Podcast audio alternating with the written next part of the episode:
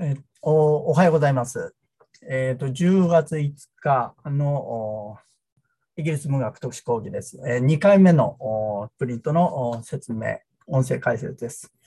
えっ、ー、と、まあ、あの、2回目の講義になるんだけれどもね、あの、1回目の講義、音声解説やってみて、えっ、と、自分で、あの、自分の解説聞いてみたんだけど、なんかやっぱり、あの、対面じゃないとうまくいかなくてね、えーと、コンピューターに向かって、えーと、喋ってるんだけど、なんかあの、ライブ感覚でこう、なんか喋ってる声が立ち上がってこないんだよね。で、自分で聞いてて、えー、なんか自分の声聞いてるうちに、あの、自分でも眠くなってきてしまって、うとうとしてしまった。なんか申し訳ないんだけど、えっ、ー、と、やっぱり、あの、対面じゃないと、あの、こういう講義ってうまくいかないなと思思ってるんだけどもね。もしまあ君たち聞いてて眠くなっちゃったら、えー、と途中で切って寝てください。でまあこの音声あの、えー、と1週間あの公開してますからあまたあと気分を変えて、えー、聞くと何回でもアクセスできますので、えー、とそういうふうに聞いてください。で、えー、と今日のプリントは、えー、と2回目の講義であのページは投資番号になっていて5ページから始まってます。で先週はねえーと、フォースタースの冒頭のところを使ってね、えーとまあ、要するに究極の完璧な根源的な知識にはフォースタースは至らないんだと。そこに到達することはできないんだと。でも、それを求めて、さまざまな本から本へとあさり渡り歩いて、えー、知識を欲しいという、その渇望を実現させようとしていると。でもそれ絶望的な渇望なんだと。いうのを話しました。えデリダの脱構築ディコンス、ディコンストラクションという考え方を使ってね、えー、と説明しました。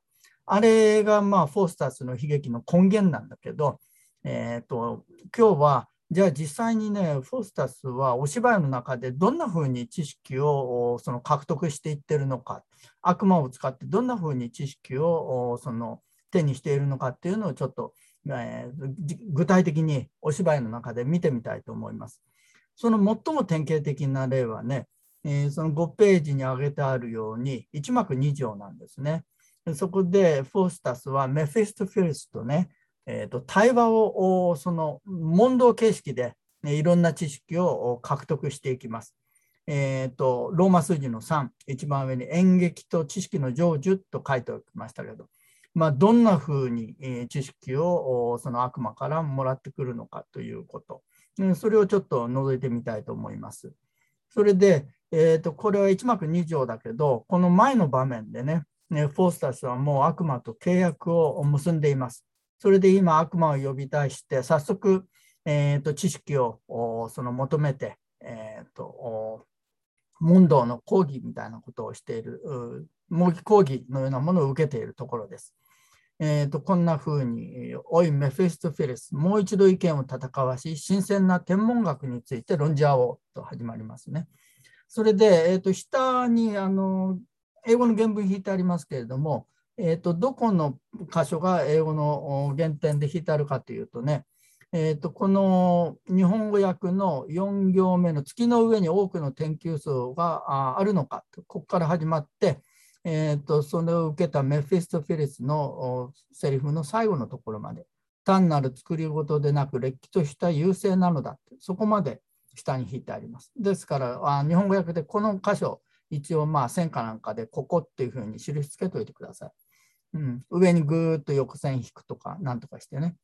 それからあもう一つはですね、えー、この日本語訳の、えーと、上の段の後ろから1、2、3、4行目、えー、こんなことは新入生でも答えられる問題だって、そうこんなことはと、ここから始まって、下の段のメフィストフィリスの1、2、3、3つ目のセリフ、そんなものは作り話に過ぎない。そこまでのところ。これを、まあ、上、スッと横線引いて、この箇所って印つけといてください。後で原文見ます。えー、それからもう一箇所。えー、っと、この下の段のちょうど真ん中あたりですね、フォースタスがよし分かった。それでは世界を作ったものは誰なのかと問いますけれども、そこからあその最後、メフィスト・フィリスのセリフまで、地獄のことを考えるのだと、えー、ここまでのところ、これ3つ目ですね。えーと、この3箇所、ちょっとマークしておいてください。で、ちょっと日本語の訳、うん、その今マークしたところを見ていきます。えーと、フォースタスが聞きます。月の上に多くの天球層があるのかと聞きますね。この天球層については、えーと、今日後で実際に図を見ながらあ説明します。宇宙の中心である地球の実体と同じく、すべての天体も一つの球体を成しているのか、どうなんだって聞きます。で、これちょっとあの手直ししてほしいんですけれども、すべての天体もの後にね、要するに全体としてと入れといてください。すべての天体も要するに全体として一つの球体を成しているのか、どうだって言いますね。そうするとメフィストフェリスが四大元素と同じくすべての天体も月より最高点に至るまでお互いの天球層の中に包摂され一つの軸の上を仲良く動いておりその軸の端が宇宙の対極と名付けられている。したがって土星、火星、次、水星ってなってるけれど、これ誤訳ですね。木星です。したがって土星、火星、木星の名称も単なる作り事ではなく、れっきとした優勢なのだとあります。ここのところ。で、このメフィストフィレスのセリフのね、最初のところ、4大元素と同じくってあります。4大元素。これ、あの、印、マークつけておいてください。えっ、ー、と、それ後で見ます。えーと、それで、えーと、メフィスト・フィレスはね、いろんなことを教えながら、さらにいろいろ問答形式で、えー、知識が伝えられていきます。それでさっきマークしてもらった役の、えー、後ろからあ4行目からだけどね、そうするとフォースタスが、こんなことは新入生でも答えられる問題だと。うん、だが果たしてどの研究層にもドミニオンとかインテリゲンツィアとかいうものがいるのかと聞きますね。で、ここもちょっと手直ししてほしいんですけれども、どの天球層にもドミニオン天使とかってありますね。ドミニオン天使とかってのを消してください。で、その代わりにね、それぞれの天球層を支配する天使、すなわちと入れてください。どの天球層にもそれぞれの天球層を支配する天使、すなわちインテリゲンツィアというものがいるのかとフォースタスは聞きます。えー、するとメフィスト・フィリスがいるんだと答えますね。フォースタスが天、つまり天球層はいくつあるんださっき言ったようにこの天球層は後で見ます。えー、メフィスト・フィリスが9つだ。7つの優勢、構成、最高点を巡るものを巡るものは取っちゃってください。9つ。7つの優勢、構成、最高点と。フォースタスが、すると、火炎権、透明権なるものはないのかと聞きます。とメフィストフェルスはそんなものは作り話に過ぎない。そんなものはないのだと答えてますね。で、さらにフォースタスが問答をして、えー、最後、3箇所目マークしてもらったとこだね。フォースタスが、よし、分かった。これが非常にクルーシャルな質問になるわけ。それでは世界を作ったものは誰なのかというと、メフィスト・フィリスはここに来て初めて拒絶するんですね。えー、それには答えたくない。とフォースタスがメフィスト・フィリス、そう言わないで教えてくれ。とメフィスト・フィリスが俺に逆らわない逆らわないでくれよ、フォースタス。ひどいやつだな、お前は。何でも俺に答えると約束したはずじゃないかと言います。とメフが、いかにも我々の王国に背かないことなら何でも答える。だがこれは違う。お前は呪われているのだ。地獄のことを考えておればいいのだと言いますね。こんな感じで問答形式で、えー、とその4元素からね4大元素から始まって、えー、と天へ登っていって最高点のところまで知識をもらってそのさらに上のところを聞こうとするんですね。えー、世界を作ったものは誰なのか、うん、最高点のさらに上にいるのは誰なんだって聞く。でメフィス・フィリスはこの知識は与えてくれない。そういうくだりです。で、それ、えー、と下の英語をちょっと見てみますね。原点ですけども。Speak, are there many spheres above the moon? 天球層っていうのはスフィアーズって言います。複数になってる。これ、えー、といくつか9つあるいろんな説があって10あるとか9つだとかいろいろ説がありますけれどもとりあえず複数です。えー、スフィアというものがたくさん月の上にもあるのか。All celestial bodies そのすべての天体は but one globe 要するに one globe グローブというのは球体ということで全体として一つの球体なのか。as is a substance of this centric earth centric 中心の。その中心にあるこの地球の実体と同じように球体なのかってありますね。これは面白い箇所で、セントリックアースってありますから、これ、あの、天動説だよね。ここで、えー、描いている宇宙、世界というのは天動説だってことがわかる。つまりその右に書いといたけど、宇宙はどんな形してるのかって聞いてるわけ。で、えー、巨大な球体なのかって聞いてるんですね。えー、そうすると、メフが、uh, as are the elements. Elements っていうのはこれは4元素ってことです。4大元素、4元素ってことですね。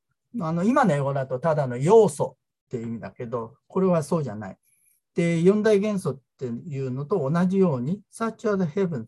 天も同じようにできているのだって言ってます。うん。Uh, even from the moon unto the imperial orb。imperial orb って最高点ですね。えー、と月から始まって最高点に至るまで、点もその四大元素と同じようなあその構造でできているのだと言います。mutably folded、uh, in each other's spheres. Mutably お互いに fold folded in お互いにあの中にこう包み込まれるように。Each other's sphere それぞれ互いの天球層の内側に包み込まれるようにして出来上がっているのだと。And jointly move upon the axle tree 天球軸ですね、アクセルトリー。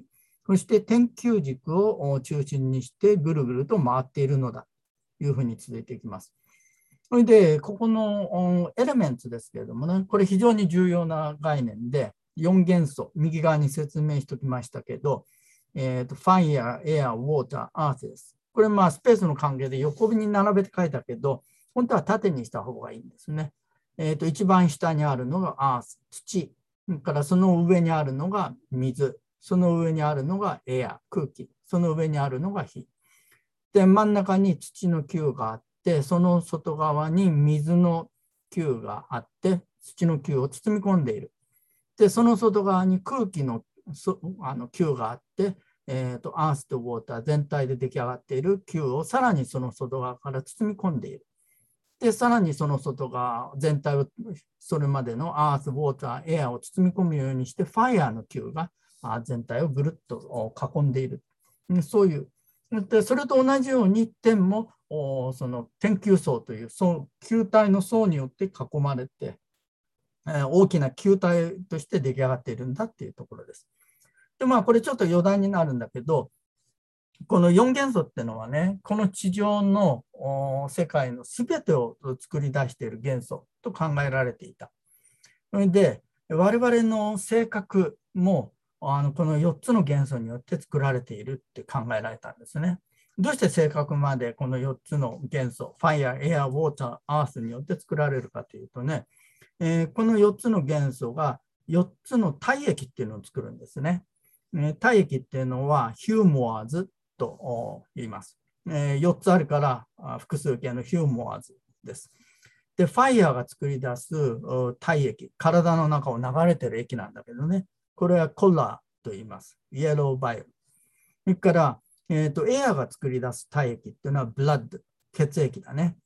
それからウォーターという水という元素が作り出しているのはフレム。フレムっていうのは粘液ですね。それからアース、土という元素が作り出しているのはメランコリー。これ、えーと、ブラックバイルとも言います。黒炭樹ですね。メランコリーです。で、まあ、これ4つの体液も、えー、さっきの4元素と同じように、本当は縦に、えーえー、書きたいとこなんですけどね、メランコリーが一番下にあって、その上にフレーム、その上にブラッド、その上にコラーとあるんだけど、で、この4つの体液が程よくバランスよく混ざり合っていると、非常に理想的な人格、性格の持ち主ができるんだけど、大概みんな少しずつ偏ってますから。コラ、イエローバイル、オータンジュが少し多い人は怒りっぽい。これブラッド、この体液が少し多めに体の中を流れている人は非常に朗らかで、えーとまあ、時によっては過度に朗らか。これはフレム、この体液が少し多めに流れている人は、なんとなくあの不活発っていうかなあの、あまり活動的じゃない。このメランコリー、ブラックバイル、黒炭獣というこの体液が多めに流れている人は、このメランコリーという名前、英語からも分かるように、憂鬱症、メランコリックで塞ぎ込んだりしていることが多い。そういう性格の人ができるわけ。まあ、あの4元素っていうのはそういうわけで、えー、この地上の全てを作り出している4つの元素なんだよね。で、それと同じように宇宙もできているってことをメフィストフィリスはここで、えー、フォースタスの質問に答えて、えー、知識を与えてます。それから、えーと、次のところ行ってみますけれども、えーと、そうすると、These are freshman suppositions. supposition まあいろいろそれから続けて知識を教えていくんだけど、それをずっと聞いててフォースタスが、サポジションというのは基礎知識です。フレッシュマン。ああ、これは新入生でもわかる基礎知識じゃないか。大学では1年生の基礎知識みたいなもんだと。But tell me, えー、でもまあ、俺に、えー、そのしっかり教えてくれと。As every sphere a dominion or intelligentia、うんえー、っと、スフィアと呼ばれるもの、天球層は、えー、とには、えー、っとドミニオンというものがいるのか、つまりインテリゲンティアというものがいるのかと言いますね。これ後でまた説明しますけど、それぞれの天球層というのはそれを支配している天使がいるんですね。ねそのことを言ってます。そうすると、メフィストフィリスは、ああ、ああ、そうだ、そういうものはいるのだと言います。と、背面に heavens は spheres are there じゃあ具体的に点っていうのはどんな形してるんだってことを聞いていきます。えーと、点というのは、つまり天球層というのは全部でいくつあるんだって聞きます。とメフィストフェリスが9、9つだと言いますね。宇宙というのは9つの天球層が、えー、大きいものからさらにあ大きいものへ、さらに大きいものへと、えー、外側からこう包み込むようにして出来上がっているっていうんですね。9、7 planets。うん、これさっき訳にあった。7つ、まあ、惑星というふうに訳されていたのかな。優星って訳されてたのが7つの優星。The firmament、それと恒星、and the imperial heaven、最高点。うん、これで成り立っているんだと言いますね。えー、そうすると、フォーサスが、But is there not、uh, coelum igneum? イグネームとバーニング燃えているということですね。燃える点というのはないのか。うん、か、えーと、火の加点というのはないのか。えー、それからクリスタリウム、クリスタル点、クリスタルの点というのはないのか。これまあ訳だと透明圏とか火炎圏って訳されてたけどね。そんなものはじゃないのかって聞くとメフが No Faustus, they be but fables そんなものはありやしないと。それはあの作り話に過ぎないんだって言いますね。それからまだいろいろその知識が伝授されていって、えー、と最後のところですね、えー、とフォースタスの下から1、2、3、3つ目のセリフです。これが非常に重要なあの質問なんだよね。Well, I am answered. よし、ありがとう。よくわかった。Now tell me. じゃあ教えてくれ。Who made the world? 世界を、その今説明してくれた世界、宇宙を作ったのは誰だっていうんですね。まあ、答えは God、神様ですよ。と、メフは I will not。これ will は意志ですからね。俺はそれには答えない。答える気はないって言います。sweet Mephistopheles。メフィストフェレスよ。お前はいいやつじゃないか。教えてくれ。move me not。あまりしつこく俺をじれあの俺にあのまとわりつくなよ。フォースタス。ヴィラン、なんだお前は。ヴィランってのは悪感悪党って意味ですね。なんだお前ってやつは。Have not I bound thee to tell me anything? bound thee 契約で結ぶぐるりとあの結びつけ、縛りつけるってことですね。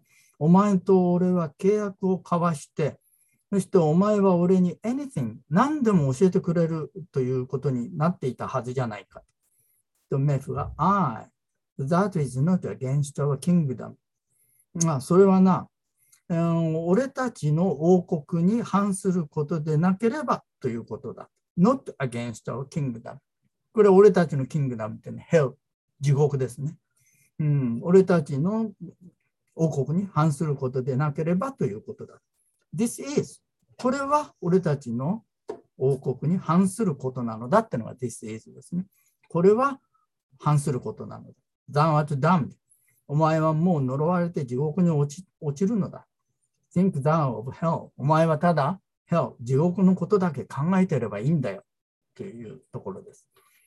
で、ここで、えー、っと、まあ、いろんな形で知識っていうのはあの悪魔からあの伝えられ、教えられるんだけど、えー、最も典型的なあ教え方、つまり問答形式の模擬講義ですね。で、ここであの語られている内容っていうのは、実際にあのパブリックシアター、民主劇場にやってきて、この芝居を見ている、えー、多くの大多数の観客にとっても新しい知識だったはずです。まあもちろんこういうことは知っているっていう人も中にはいたと思うけど、へえと思いながら観客は聞いたはずですね。それからラテン語があの先週と同じように出てきます。うん、これ日本語だとカタカナマジで訳してますから読み上げても読んでも意味は分かっちゃうんだけど、えーとラテン語ですから当時の観客は聞いていても何言ってるかわからない。非常に難しい、えー、その天文学、宇宙の形状のことを語っているんだなぐらいにしかわからないですね。で、えーと、このね、えーと、問答形式の講義の出発点のところです。翻訳のメフィスト・フェレスの最初のセリフだけど、4元素って出てきますね。これが大事なの。あと、なってもこれ非常に大事なものとして、えーと重要な意味を持ってきます。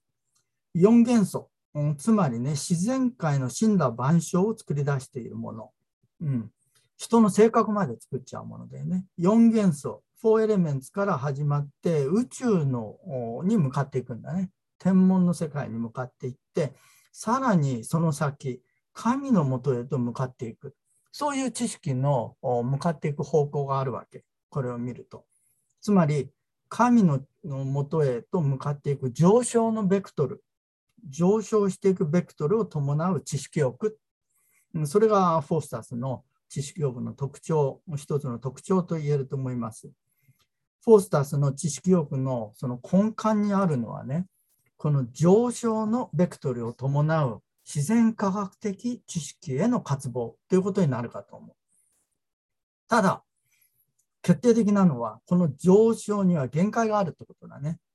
神知、神様の知識、完全にして究極の真理には届かないってことです。それは、えーと、この原点、英語で言うと、えーと、68行目ですね。I will not ですね。Who made the world? これに対してメフは I will not って言ってます。誰が世界を作ったのだ？宇宙を作ったのだ？I will not. 俺はそれには答えない。ここで切れちゃうんですね。届かないわけ。答えは God なんだけど。で、この感覚っていうのはね、えーと、先週読んだプリントの2だね。うん。あの、ここ重要だよっというふうに原文の英語で下線を引いといた箇所2箇所ありますよね。えー、ちょっと2ページ見てください。えー、左側の、えーと原文の真ん中よりちょっとして、Yet art thou still but forces and man. ここにこうしてんだね。どんなに知識を習得しても、でも、お前はただのフォースタス。and man。要するに人間だと。神様のところには届かない。うん、それから、えーと、右側の下の方ですね。えー、魔術というので知識はいくらでも広がっていく。どのぐらい広がっていくかというと、下から3行目、stretches as far as does the mind of man。人の精神が及ぶ限りのその果てまでえー、その知識の領域っていうのは広がっていくんだ。だから、あそのこの魔術を身につければデミゴード、もう半ば神のような存在になれるんだと。うんえー、っと俺が頭をしびれるほど使って勉強するのは to get a deity、その神様のその存在、人格ではなくて神格だよね。神格を手にするためだ。そのために俺は魔術をやるんだと言ってました。で、この人のマインドの及ぶ限り広がっていくっていうんだけど、で、まあ今のところを見てみると今日の5ページですね。えっ、ー、と、広がっていかないんだよね。えっ、ー、と、限界があって切れている。うん。世界は宇宙は誰が作ったかとそそのところには知識は届かない。メフはそれを断ち切ってしまう。I will not ということです。で、まあ、この届かない、その一番知りたいところには届かないというのは、先週のあの説明の中では、あのデリダのディコンストラクションっていうのを使って説明したのと同じことです。究極の根源的な意味には絶対に人は届かない。リンゴとは何か。うん、食べてみりゃ分かるじゃないか。ガブってやってみろと。うん、それがリンゴだ。これがリンゴだ。分かるかっていうと分からない。ガブッとリンゴを噛んだ途端に甘酸っぱいなっていう言葉が入ってきちゃう。認識するときにね。美味しいなと。うん、ジューシーだなと。次々に、えー、言葉があその根源的なリンゴの存在と自分との間にいろんなリンゴを認識するための言葉が入ってきてしまうから究極の根源的な先週のプリントでいうと橙色のリンゴには我々はそのリンゴの知識には届かない常にそれに代わる言葉しか我々は獲得できないという話につながってくるでここでは神様のもとにはあ届かない、うん、メフはその知識をここで断ち切るということが起きてるわけでえっ、ー、と、6ページ、えー、ちょっと見てほしいんですけれども、えー、この図ですね。模擬講義の中で、え説明のために使われている宇宙っていうのは、こういうものです。で、えーとまあ、このモデルを、えーと見ながら、えさっきの日本語の訳とかね、英語の原点を読むと、どういうことを言ってるのかっていうのがよくわかります。で、これはプトレマイオスが考えた宇宙のモデルです。モデルです。プトレマイオス、あるいは英語読みだとトレミっていうんですけどね、そこへ書いておいた。えー、BC2 年の前半にアレクサンドリアで活躍した天文学者。うん。ん ?BC2 年 ?2 世紀かな？うんと、BC2 世紀じゃないかと思うんですけれども、ちょっと待ってくださいね。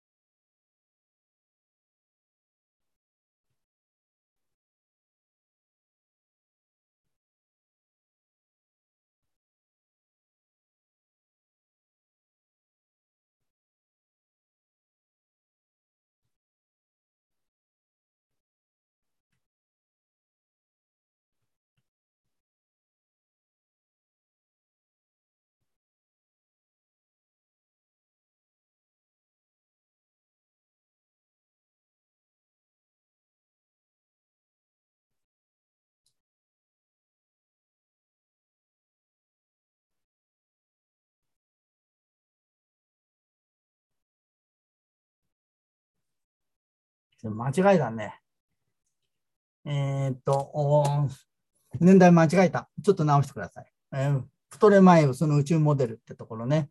えー、プトレマイウス、トレミって書いて BC、えー、と2年前半って書いたけど、そうじゃない。えー、と AD2 世紀ですね。AD2 世紀。ごめんなさい。えー、なんか変だなと思って、えー、と BC からして間違ってんだね。えーと、AD の2世紀前半にアレクサンドリアで、えー、活躍した天文学者、数学者、地理学者です。アレクサンドリアっていうのはまあ今のエジプトだよね。えーと、この人はね、天動説を主張して、コペルニクス、コペルニクスってのはあと15世紀から16世紀初頭にかけてだよね。コペルニクスがあの地動説を解くまで、えー、それまでの時代に約1400年間権威を保ったあ宇宙のモデルを考えた人です、トレミ。このトレミの考えた宇宙っていうのがここに書いてある、えー、挙げてあるイラストです。で、えーと、この知識ですけれどもね、えーと、どういうふうに、えー、そのなってるかというと、えーと、メフィスト・フィリスはあその最初4元素と同じように宇宙も同様の構造をしているんだといました。で、えっ、ー、と、マーロ、あマーロじゃない、フォースタスは、えっ、ー、と、その、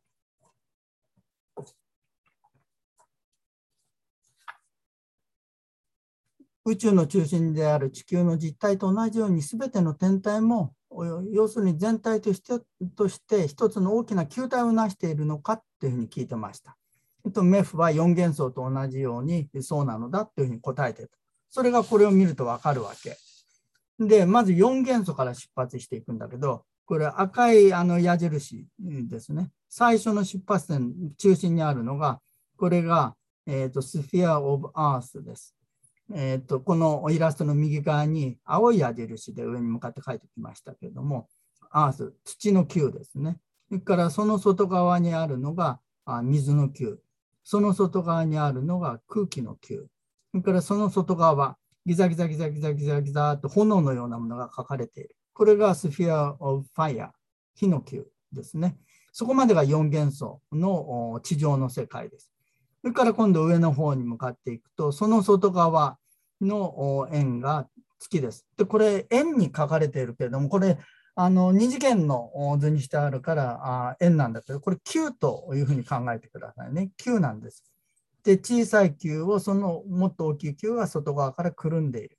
で、もっと大きな球がそれ全体をまたその外側からくるんでいるという、そういうふうに考えてください。で、月の球があって、スフィア・オブ・マーキュリー、火星の、水星の球があって、その外側を金星の天球層、スフィアが取り巻いていて、その外側に太陽の天球層が大きく包んでいて、えー、さらにその外側から火星の天球層が全体を包み込んで、その上に木星の天球層があって、えー、その上に土星の天球層がぐるりと取り囲んでいる。それからその外側、さらに、えー、大きな天球層があって、それは対空というふうに訳では訳されていたかな、ファーマメントと呼ばれるものです。で、そのファーマメントっていうのはね、えー、っと、一番外から3つ目の、なんかあの星座の絵みたいなのが描かれている。これがファーマメントですね。えー、日本語訳ではこれ構成というふうに訳されていたと思います。まあ、いろんな訳し方あるんだけど、対空というふうに訳したりもする。うん、ファーマメントです。日本語の訳、さっき見たのでは、構成というふうに訳されていた。それからその外側ですね、えーと、一番外から2番目ですけれども、これ、コンストレーション、粛清と書いたけど、えーと、この図ではですね、そういうふうにはあの説明されていない、えーと、クリスタリウムって書かれてます。えっ、ー、と、CRIS、クリス、TALLIUM、CRISTALLIUM、クリスタルですね。で、クリスタル点っていうやつです。で、日本語訳ではこれ透明圏となってました。でも、えー、っと、メフィストフェレスの説明では、その透明圏とか、えー、火炎圏というのは作り話であって実際にはないんだというふうに言っていた。で、まあ、この図は、まあ、あの図では火炎圏というのはないけども、透明圏はクリスタリウムというふうにして書かれてますね。で、これはメフが言うには、あのただの架空のでち上げて作った天球層だということ。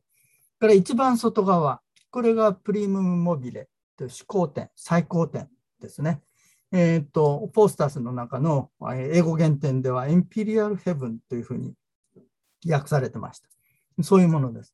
でずっとフォースタスのとメフの問答は、えー、と4元素の一番下から始まってずっと上まで行くわけ。そして最後にフォースタスはその上まで行きたかったんですね。じゃあこれ全体の宇宙を作ったのは誰なのか。で、このイラスト見ると一番上に神あの人が玉山に座ったような人が書かれてますよね。これ人じゃなくて、これは神様なんですね。だからこの大きな球の世界、宇宙を作った神様が、そのさらに上でこれ全体世界、宇宙を見下ろしているという考え方です。それがあのこの、えー、とイラストです。で、フォースタスはこのプリムモビレのさらに上まで行きたかったけど、えー、メフィストフィレスはそれには答えたくない。俺は答えないぞって言って教えてくれなかった。えー、そういうあの講義でした。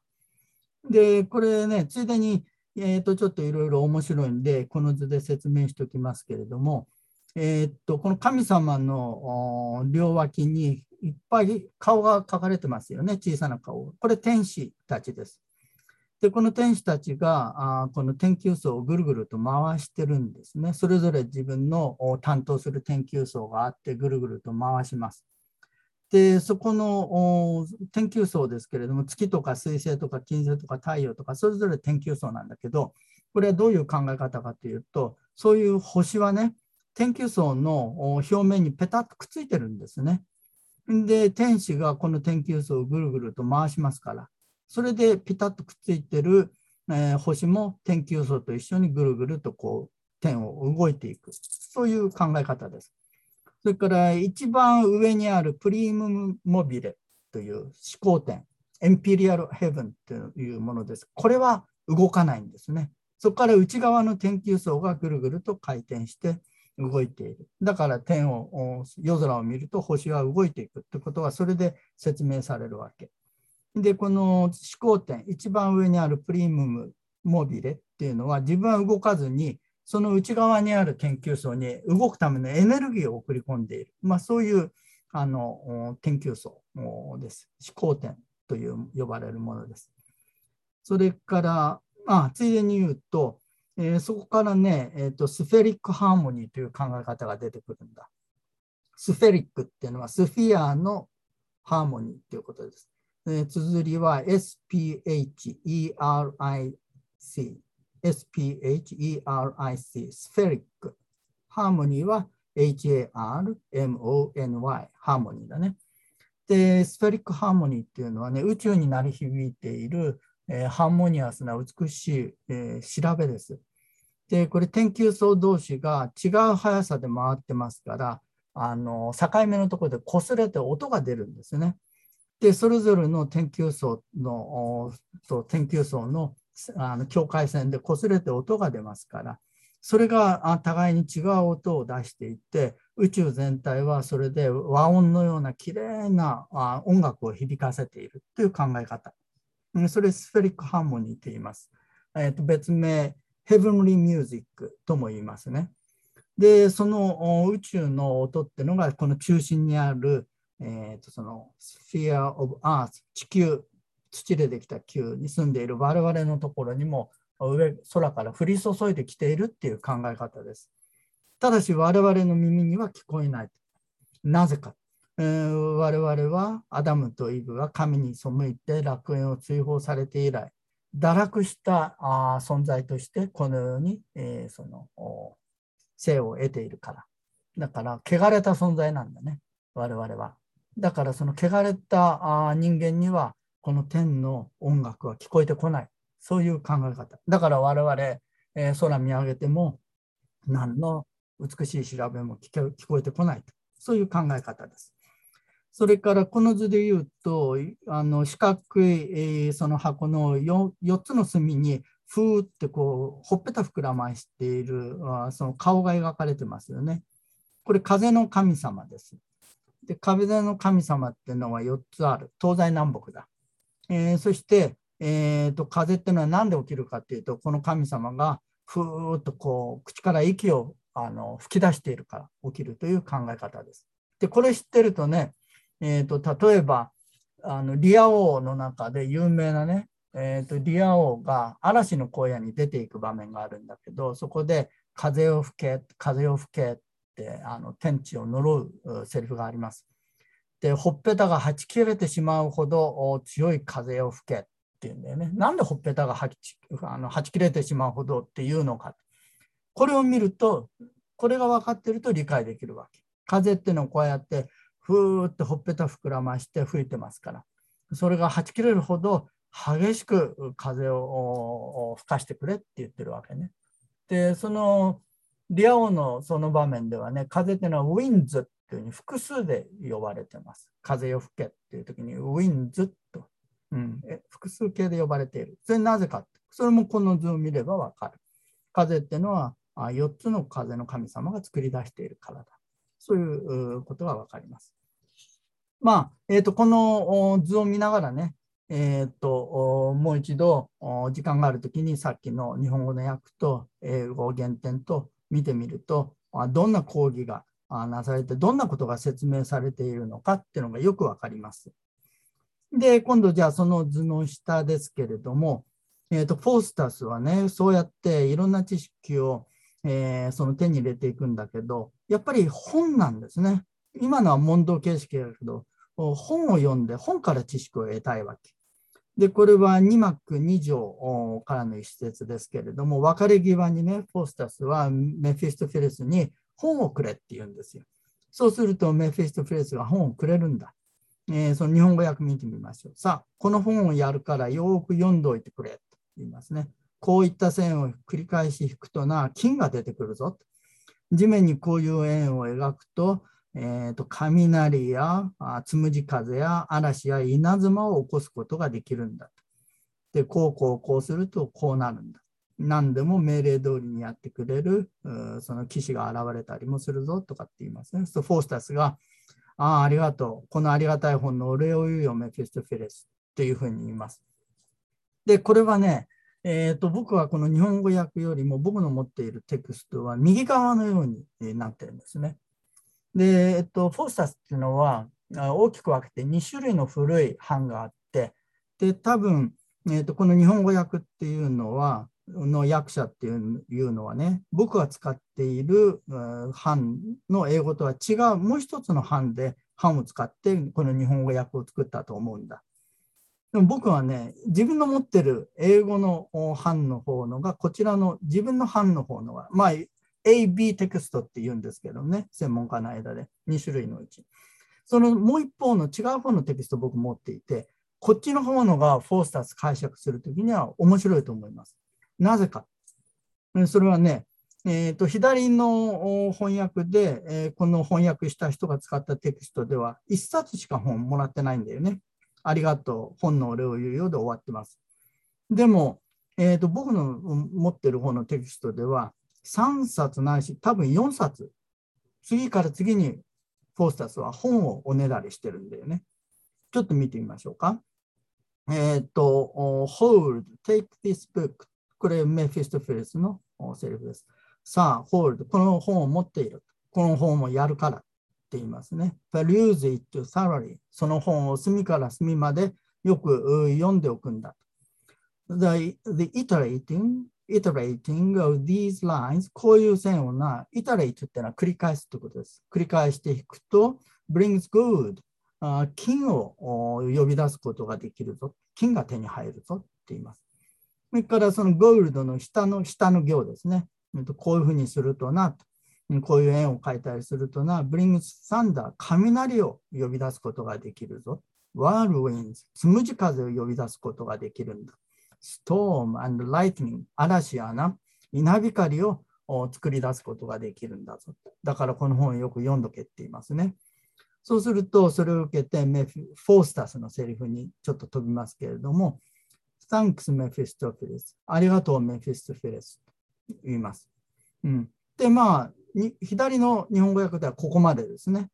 でも、えーと、フォースタスは実はもっと本を欲しがる。Yet fain would I have a book? うん、だからな、フェイン、I would fain have ですね。えー、っと、こうこう、I want ってことですね。I want to have a book. もう一冊本が欲しいんだと。Wherein I might behold all the spells. spells ってのはまじない。incantations これは呪文。あらゆる種類のまじないや呪文をその本の中であの見ることができるような、そういう本が欲しいんだ。that I might raise up spirits when I please. うん、自分の please をその望んだときに、 spirits、霊を呼び出すことができるようになって言うと、メフィストフェイスは Here they are in this book。2冊目だ、これ。あげる。ああ、それならな、この本のここに書いてあるって言って、They are turned to them。そのページのところをめくって見せるわけだよね。えっと、それで満足するかというと、Now do I have a book where I might see all characters and planets and heavens? うん、そうだな、俺もう一冊本が欲しいんだと。うん、そこに、えーと、all characters っていうのは先生術の記号ですね。先生術のあらゆる記号とか、えー、天をめぐるその優星とか、惑星かな？とかが書かれている本が欲しいんだと。that I might know their motions and dispositions, motions. 天の星々の動きとか、dispositions とこれ配列です。配列を知ることができるようになっています。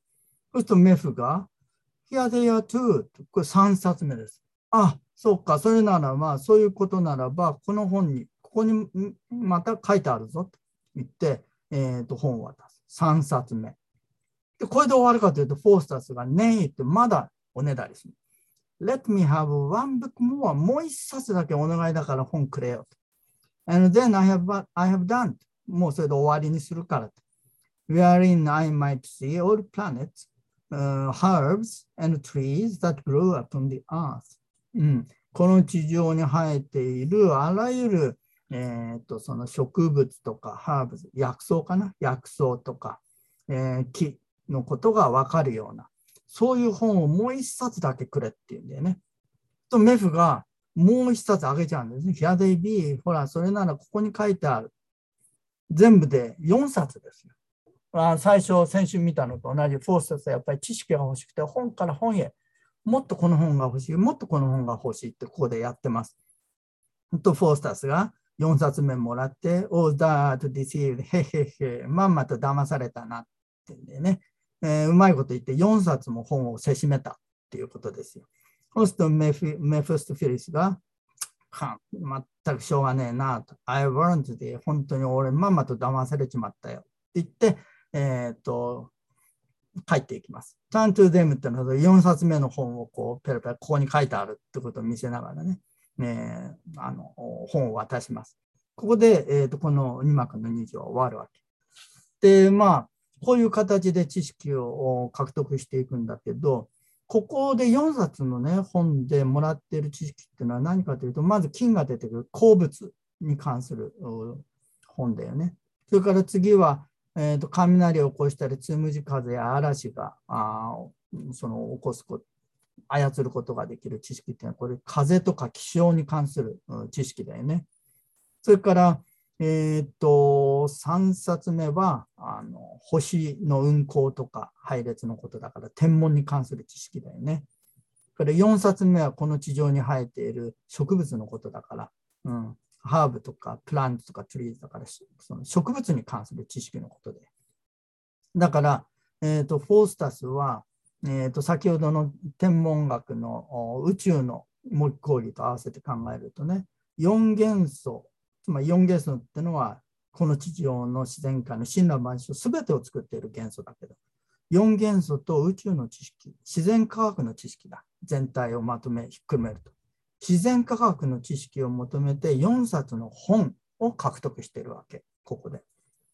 で、さっきの天文学の講義にちょっと帰りますけれども、えー、とこの今本何冊ももらった引用の下の左側ですけどね。え、天文学の模擬講義。うん。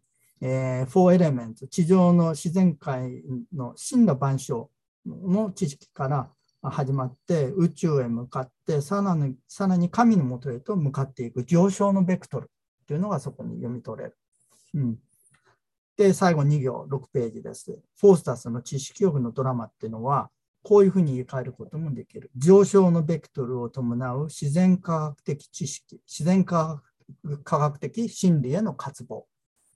うん、上昇の限界がしかしそこにはある。最後の行です。真知、完全なる究極の知識、究極の真理。知識の根源には届かないということですね。うん。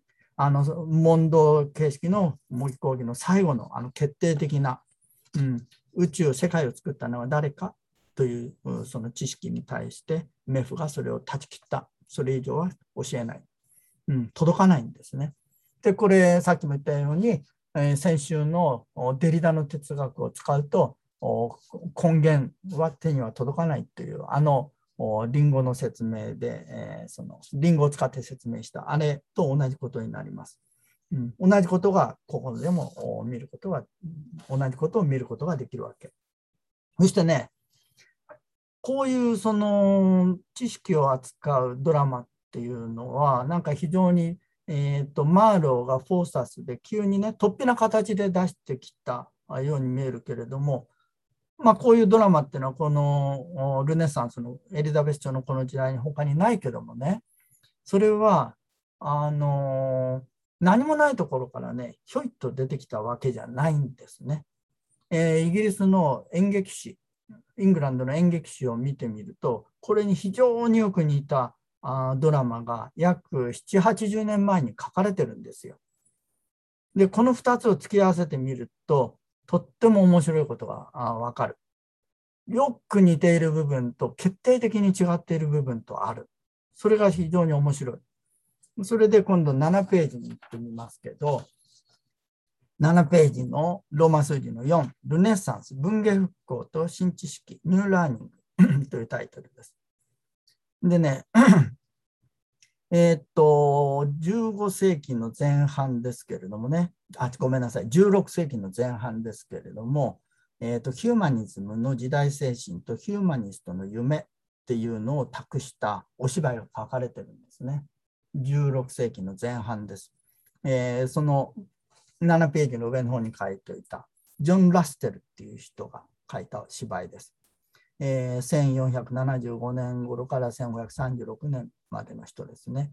インタールード、4元素っ、まさにさっき見た4元素です。4 elements っていうタイトルの芝居を書いてる。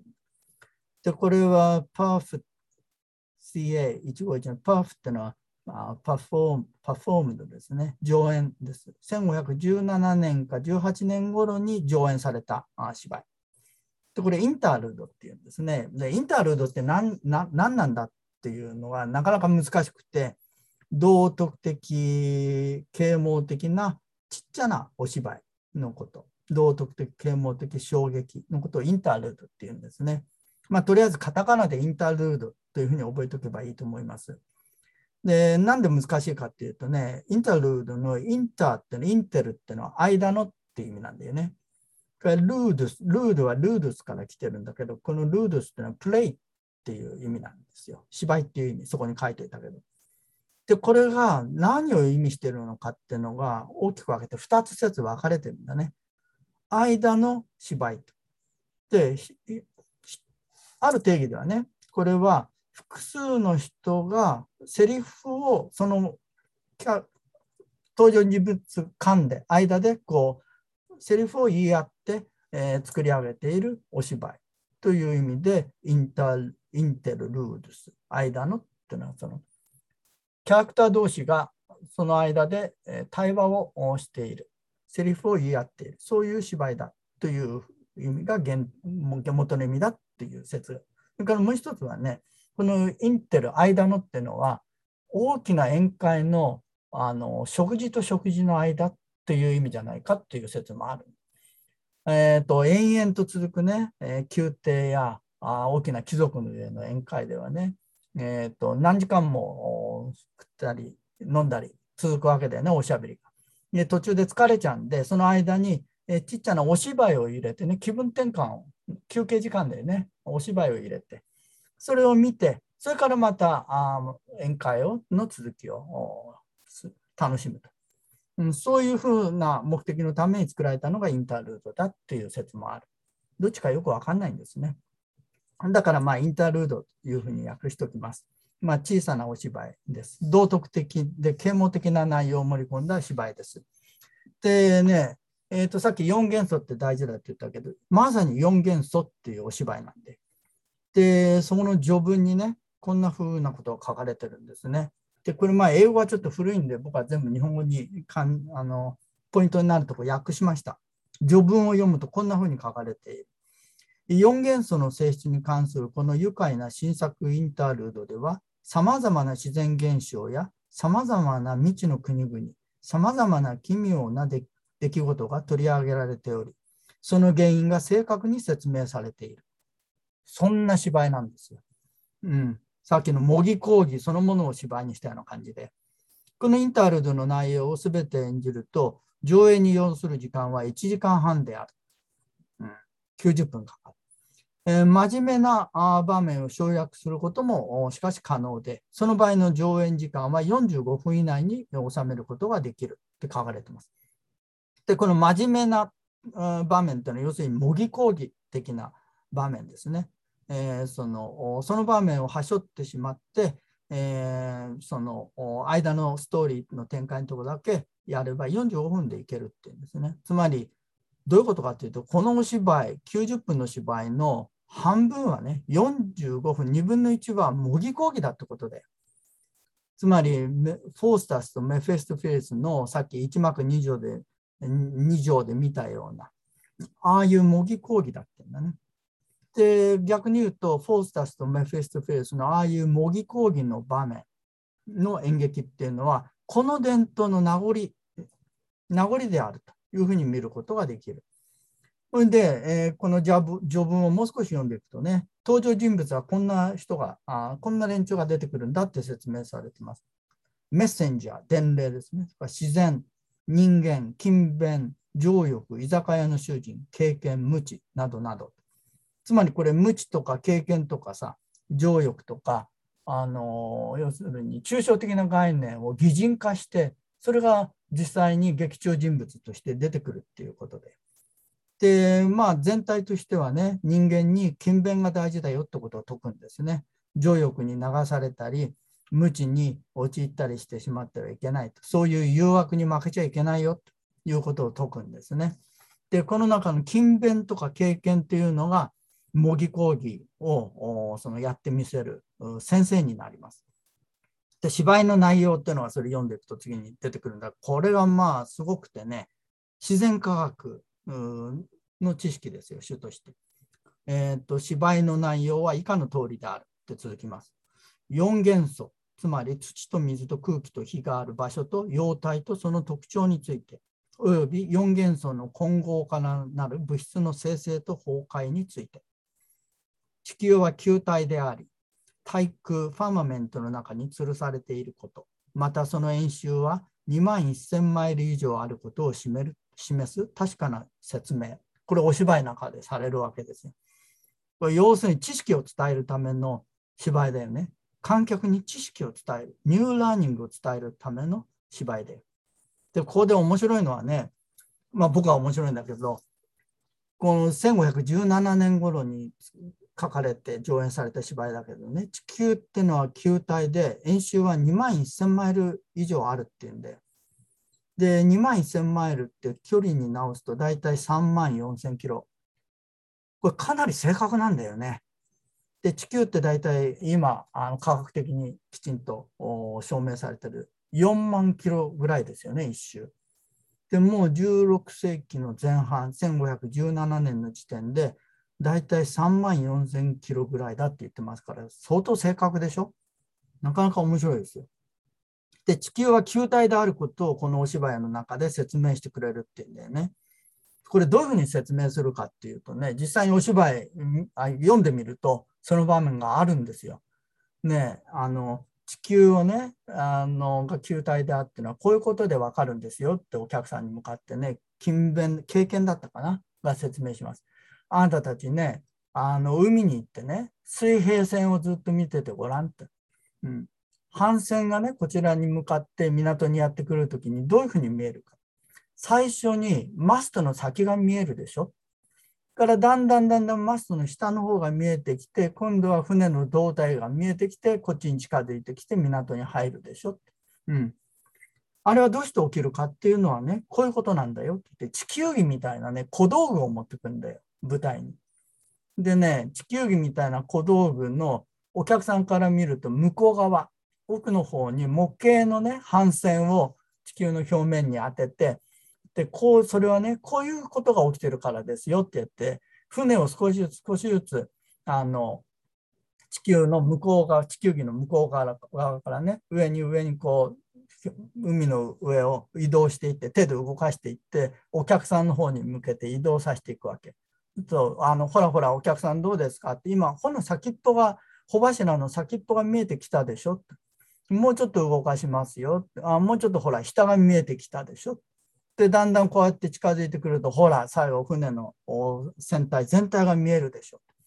これが起きてるからですよ。つまり、地球は丸いってことなんですよ。でまあ、そんなふうな感じで、お芝居の中で地球は球体であるってことを説明してくれる。そういう芝居です。で、もうちょっと宇宙形状史に関する、あ、海は地球の球面に上に広がっていることを示す確かな説明。これもやってくれるんですね。宇宙形状史に関する正しい説明。つまり、海は地球のどこをどのように覆っているか、また様々な未知の土地、未知の国々はどのようなもので、それらはどこに存在するかについて、それと関連して新世界とそこに住む人々についての説明。石と鉱物はどのようにしてできるのか、その説明。木や草はどのようにして生えるのか、その説明。泉と川はどうしてできるのか、その説明。地中から熱い蒸気が噴き出すのはなぜか、その原因の説明。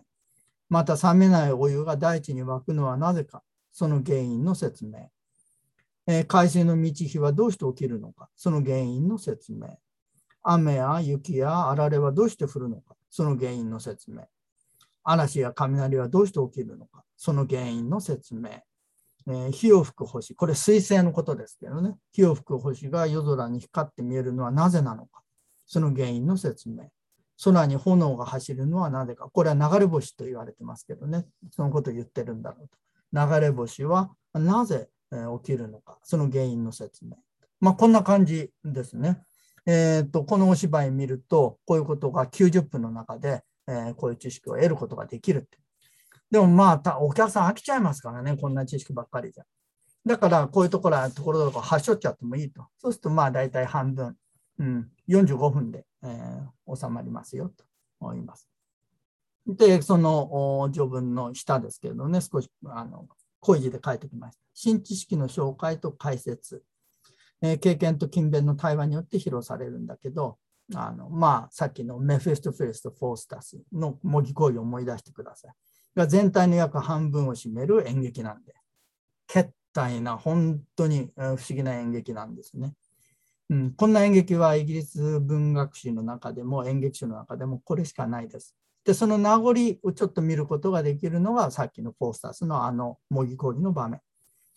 四元素という芝居の中心は模擬講義である。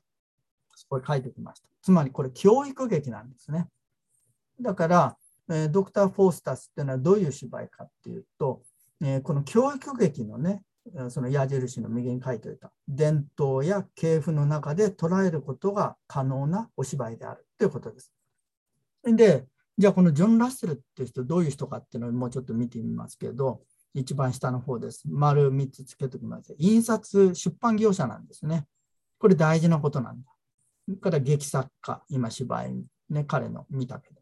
これ冒険公開者です。この彼はね、実際に新世界に向かって大西洋に船を出して、えー、とその向かうんだけどね、途中で船員が嫌がって反乱を起こして、えー、うまくいかなくなってまたイギリスに帰ってきちゃうんだけど、冒険公開も試みて、それから法律家、から宗教論争もしている、などなど。つまり、まあ、ヒューマニストですね。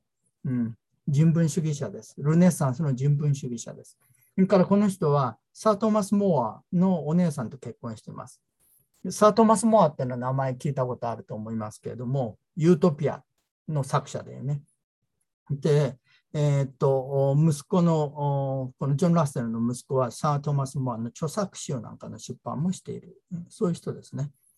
で、その CF として書いてたけど、あのルネサンス期のね、人文主義者、ヒューマニストを代表者挙げろって言ったら、モアとエラスムスですね。この2人は信仰があった。モアはユートピアの作者、それからエラスムスはチグシン・ライさんっていう、これ有名な、書物ですけどね、これを書いた人です。その一人、モアのその親戚にあたる人がジョン・ラステルです。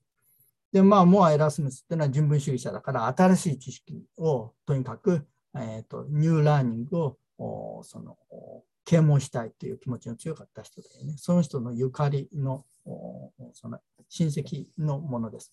それから3番目、印刷出版業者として、知的後進国イングランドに新知識を紹介し、啓蒙することへの情熱にあふれていた人。それがジョン・ラステルです。で、それがジョン・ラステルジョン・ラステルに見るヒューマニストの使命感と夢ということになるかと思います。知的後進国だったんだね、イギリス、イングランドはその頃。で、新知識を、あ、この新知識を紹介しの新っていうのは誠じゃなくて新しいです。ごめんなさい。下から2行目、イングランドに新しい知識を紹介して啓蒙したいという情熱を持っていた。それがジョン・ラステル。だから印刷出版業者っていうのはラステルにはぴったりの仕事だったわけですよ。夢を持っていたんだ。じゃあその夢ってもうちょっと分かりやすく見たらどういうことになるのか？っていうのを今度8ページで見てみます。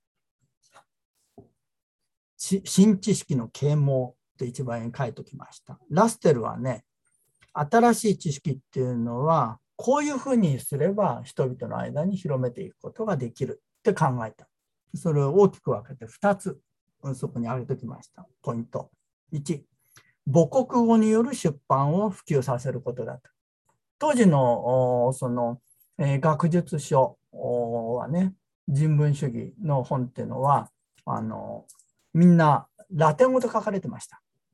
いや普通の人には読めないんだよね。だから、ラステルはあの積極的に英訳をその進めて、母国語、英語で本は出版すべきだっていうことをその唱えて実践した人です。うん、まあ我々、英語の本はなかなか読めないから、あ日本語の翻訳があを出してほしいと思う人も多いでしょ？ね、それと一緒です。それから丸に、これが非常に重要なんだけど、知識獲得っていうのはこういう手順で、えーと、実践していけばいいんだということを言った。で、彼が言うにはグロスな知識からまず始めろと。グロスっていうのは身近で卑近な知識です。もうちょっと言うと、さっきのフォースタスとメフィストフェルスの講義で言えば4元素だよね。我々の地上の世界を取り巻いている一番身近な知識って4元素の知識で、グロスな知識から始めて、身近で卑近な知識から始めて、あ階段の比喩を比喩を使って、メタファーを使って彼は説いてるんだけど、階段をね、一段ずつ登るように、よりピュアな、純粋で高度な知識へと上昇していけばいいんだと。そして、それを続けていくと、最終的には真知、全知に届く知識の獲得に至るんだと。知識の獲得っていうのはそういうふうにやっていけばいいんだということをジョン・ラステルは説きました。それで、えーと、その下に、えー、そのイラストを上げておきましたけど、これが今言ったあの2番目のね、知識獲得の手順っていうのを、あのなんていうか象徴的に表したイラストなんですよ。これ、ジョン・ラステルの印刷出版業者、ジョン・ラステルのが使っていた商標です。デバイスって言いますけども。これどういうふうに見ていくかというとね、えー、っと、この一番下の真ん中に、えー、っと、J と R の組み合わせ文字、組文字みたいなのがありますよね。これ、ジョン・ラステル、自分のことですね。それからすぐ上に横文字で、えー、ヨハンネス・ラステルって、中黒の次、ラステルってあります。ジョン・ラステル。うんえー、それを、えー、っと、そのま横に書いてあるわけだよね。うん、それから、えーと、一番下のね JR っていうのは、えーと、真ん中に J と R の組み合わせがあるけれども左と右に文字があるよね。えー、左側はユスティティアって書かれています。JUS T-I-T-I-A、J-U-S-T-I-T-I-A、ユスティティア、ラテン語です。ジャスティス、正義ってことです。から右側に、えっ、ー、と、レガットって書かれています。R-E-G-A-T、レガット。レガットってのはリードする、ガイドするってことです。えー、正義に、正義を、その JR、ジョン・ラステル、私を導いて、えー、行ってくださいっていう意味ですね。で、え、ー、と、さっきの、その、横に書かれているジョン・ラステルというのがあってですね、絵があるよね。で、この絵の人間が裸、上半身裸の人間が2人描かれているけど、右側がイブですね。左側がアダムです。アダムとイブ。で、アダムとイブが、えー、と手を差し伸べて、真ん中に JR という組文字を、これジョン・ラステルのことですね。うん、そして、一番上にいるのが神様です。で、これどういうふうに見ていくかというと、えっ、ー、と、このイブ、アダムとイブのね、えー、下のところに、あの、円を半分に切ったような図がありますよね。あの家が建って、教会みたいな塔が建ってたり、木が生えて、これスフィア・オブ・アースです。さっき、えっ、ー、と、マーロと、マーロじゃごめんなさい。メフィドフィリスとフォースタスの講義のところで説明したプトレマイオスのあの宇宙のモデルで説明したスフィア・オブ・アース、うん、土の球ですね。がその外側を水が流れてるように取り巻いている。これがスフィア・オブ・ウォーター、水の球ですね。からそれを包み込むようにして、まあ、雲のような絵が描かれてるのかな。スフィア・オブ・エア。これが空気の球ですね。で、その外側、メラメラっと炎みたいなのが描かれている。これスフィア・オブ・ファイアです。ここまでが4エレメンツの世界です。うん。4元素の世界です。えー、メフィストフィリスとフォースタスのモンド形式の行為の出発点となった4元素の世界です。そして、アダムとイブからあその上、上半身の方は星が散りばめられて書かれてるよね。天球層はもういちいちあの円の形で書かれてないけれども、ここからは天球層の世界に入っていくってことだね。星々の天球界です。そして一番上に神様がいるんだよね。うん、で、これは4元素、うん、という芝居の、なんていうかな、理想を表してもいるんだけど、えー、とさっきの丸2、上の丸2で言うとね、赤い矢印に沿って少しずつ少しずつ一段ずつ階段を上るように上がっていくと、最後はその神様のところまで行けるっていうんですね。最終的には神知、全知に届く知識の獲得にまで至るということを表しているあのラステルの商標です。で、さっき見たインタールドの4元素っていうのは、この商標が表す理想をの実践というふうに読むことができますね。つまり新知識の獲得と啓蒙がお芝居の形で書かれていたということになる。うん、あれあのどんどんあの知識を積み上げて高めていけば最後神様の知識まで至りますよっていう信念があそこに書き込まれてるわけだよね。でなぜ芝居なのかそこに書いておきましたけど。でそれはね19世紀初頭のイングランドっていうのは出版に関しては恐ろしく後進国だったんですね。まだ本の出版っていうのは、まあ、細々とラッセルなんかやってたけど盛んではなかったわけですよ。んだからあの本の代わりにお芝居を使ったってことだ。えー、そのイラストの一番下の右側に書いてたけど知識伝達のメディアとしての演劇つまりあの4元素というね芝居は本としての演劇なんでで、本を読めない人っていうのはたくさんいたし、本もほとんどまだ出版されてなかった。うん、そういう人たちに知識、新しい知識、ニューラーニングを伝達して広めていくにはどうしたらいいか。お芝居使ったらいい。でお芝居っていうのは効率がいいんだよね。効率よくあの啓蒙できる。一度に何十人、何百人という人に新しい知識をこの舞台から伝達することができるわけでしょ。で本がまだあまり出版されてないあの国だったんだから芝居を使ってとりあえず新知識を伝達しておこうと言うんで、ラステルは4元素という芝居を書いて、えー、上演したわけですね。で、まあ、あの芝居の観客っていうのはある程度、あの、許容のある、貴族の館で上演されましたから、フォースタス博士のような一般のね、庶民、民衆ではなかったんですけれども、ね、形は一緒です。うん、本ではまだ手に入らない知識を芝居の形で、えー、その啓蒙をしていくという、そういうことです。で、最後はあ積み上げていくことによって、この、ラッセルの商標の赤い矢印にあるように神の知識まで至るのだっていうのがあラステルの夢であり情熱だったわけ。16世紀初頭です。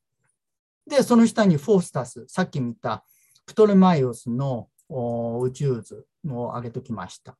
で、このラステルの商標っていうのはね、あの宇宙図によく似てるんだよね。うん、あのさっき見た宇宙図の下半分をちょっとこれ切ってあのラステルのその商標と重なるような形にしてここに上げておきました。ドクター・フォースタス1、1幕2条、メフォースタスとメフィストフィルスの模擬講義の場面であの想定されていた宇宙のモデルっていうのがここにあります。で、これは、えーと、さっき見たように、えーと、真ん中の地球から始まって、えー、ずっと行って、えー、上に上に上がっていってメフィストフィリスはずっと思考点まで教えてくれるんだけど最後その上のところに行こうとするとズバッとこの赤い横線で引いてあるようにそこから先の知識は立ったんですね断ち切ってある、うん、これが大決定的な違いですで4元素っていうのはさあの大事だって言ったけれどもえーと、その CF としてこの下のイラストの右側に書いてきましたけど、えーと、これはね、フォースタスがあのメフィストフェリスを呼び出すときに使う呪文です。で、日本語はね、あのラテン語みんなカタカナにしちゃってあるから意味分かっちゃうんだよね。えー、黄泉の神々を我に祝福を垂れたまえ、三位一体の神エホバよ立ち去りたまえ、火と風と水と土の霊よ、我、何時らに敬意を表す。っていう意味なんだけど、まあ、あの何度も言ってるように、えーと、当時のパブリックテアターのお客さんには何言ってるか分かんない。でもこれ読める人が読むと4元素にあの訴える。4元素を呼び出す。あの呪文なんですよ。ちょっと下見てみます。サンダー、雷がゴロゴロってな。当時雷っていうのは大きな大砲の弾を転がしてあの音響効果作ったんですね。ゴロゴロゴロゴロゴロってなって、Sint mihi dei acherontis propiti, propiti 栄えある、栄えあるアケロンティス、黄泉の国のデイ、神々を、うん、えー、ミヒ、to me です。私のところへ、やってきておくれと。うん、我あって、ヌメン、トリプレックス、イエホワイ。うん、我あって、さらばだ。って言うんですね。ルメント、数、ナンバーです。トリプレックス。あ、こっち、あのイタリックにしておいてください。これ三重のってことです。イエホバイ。まあ、あのキリスト教の神って三位一体ですからね。三重のイエホバの神を、うん、さらばだ。次には大事。イグネイトこれ火のっていう意味ですね。アイリー、空気の、アクアティキ、え、水の、テレーニ土の、スピリトス、霊よ。うん、サルベーテ、ようこそ来たれっていうんですね。これがあの悪魔を呼び出す時の呪文です。だからここに4元素が出てきてるわけ。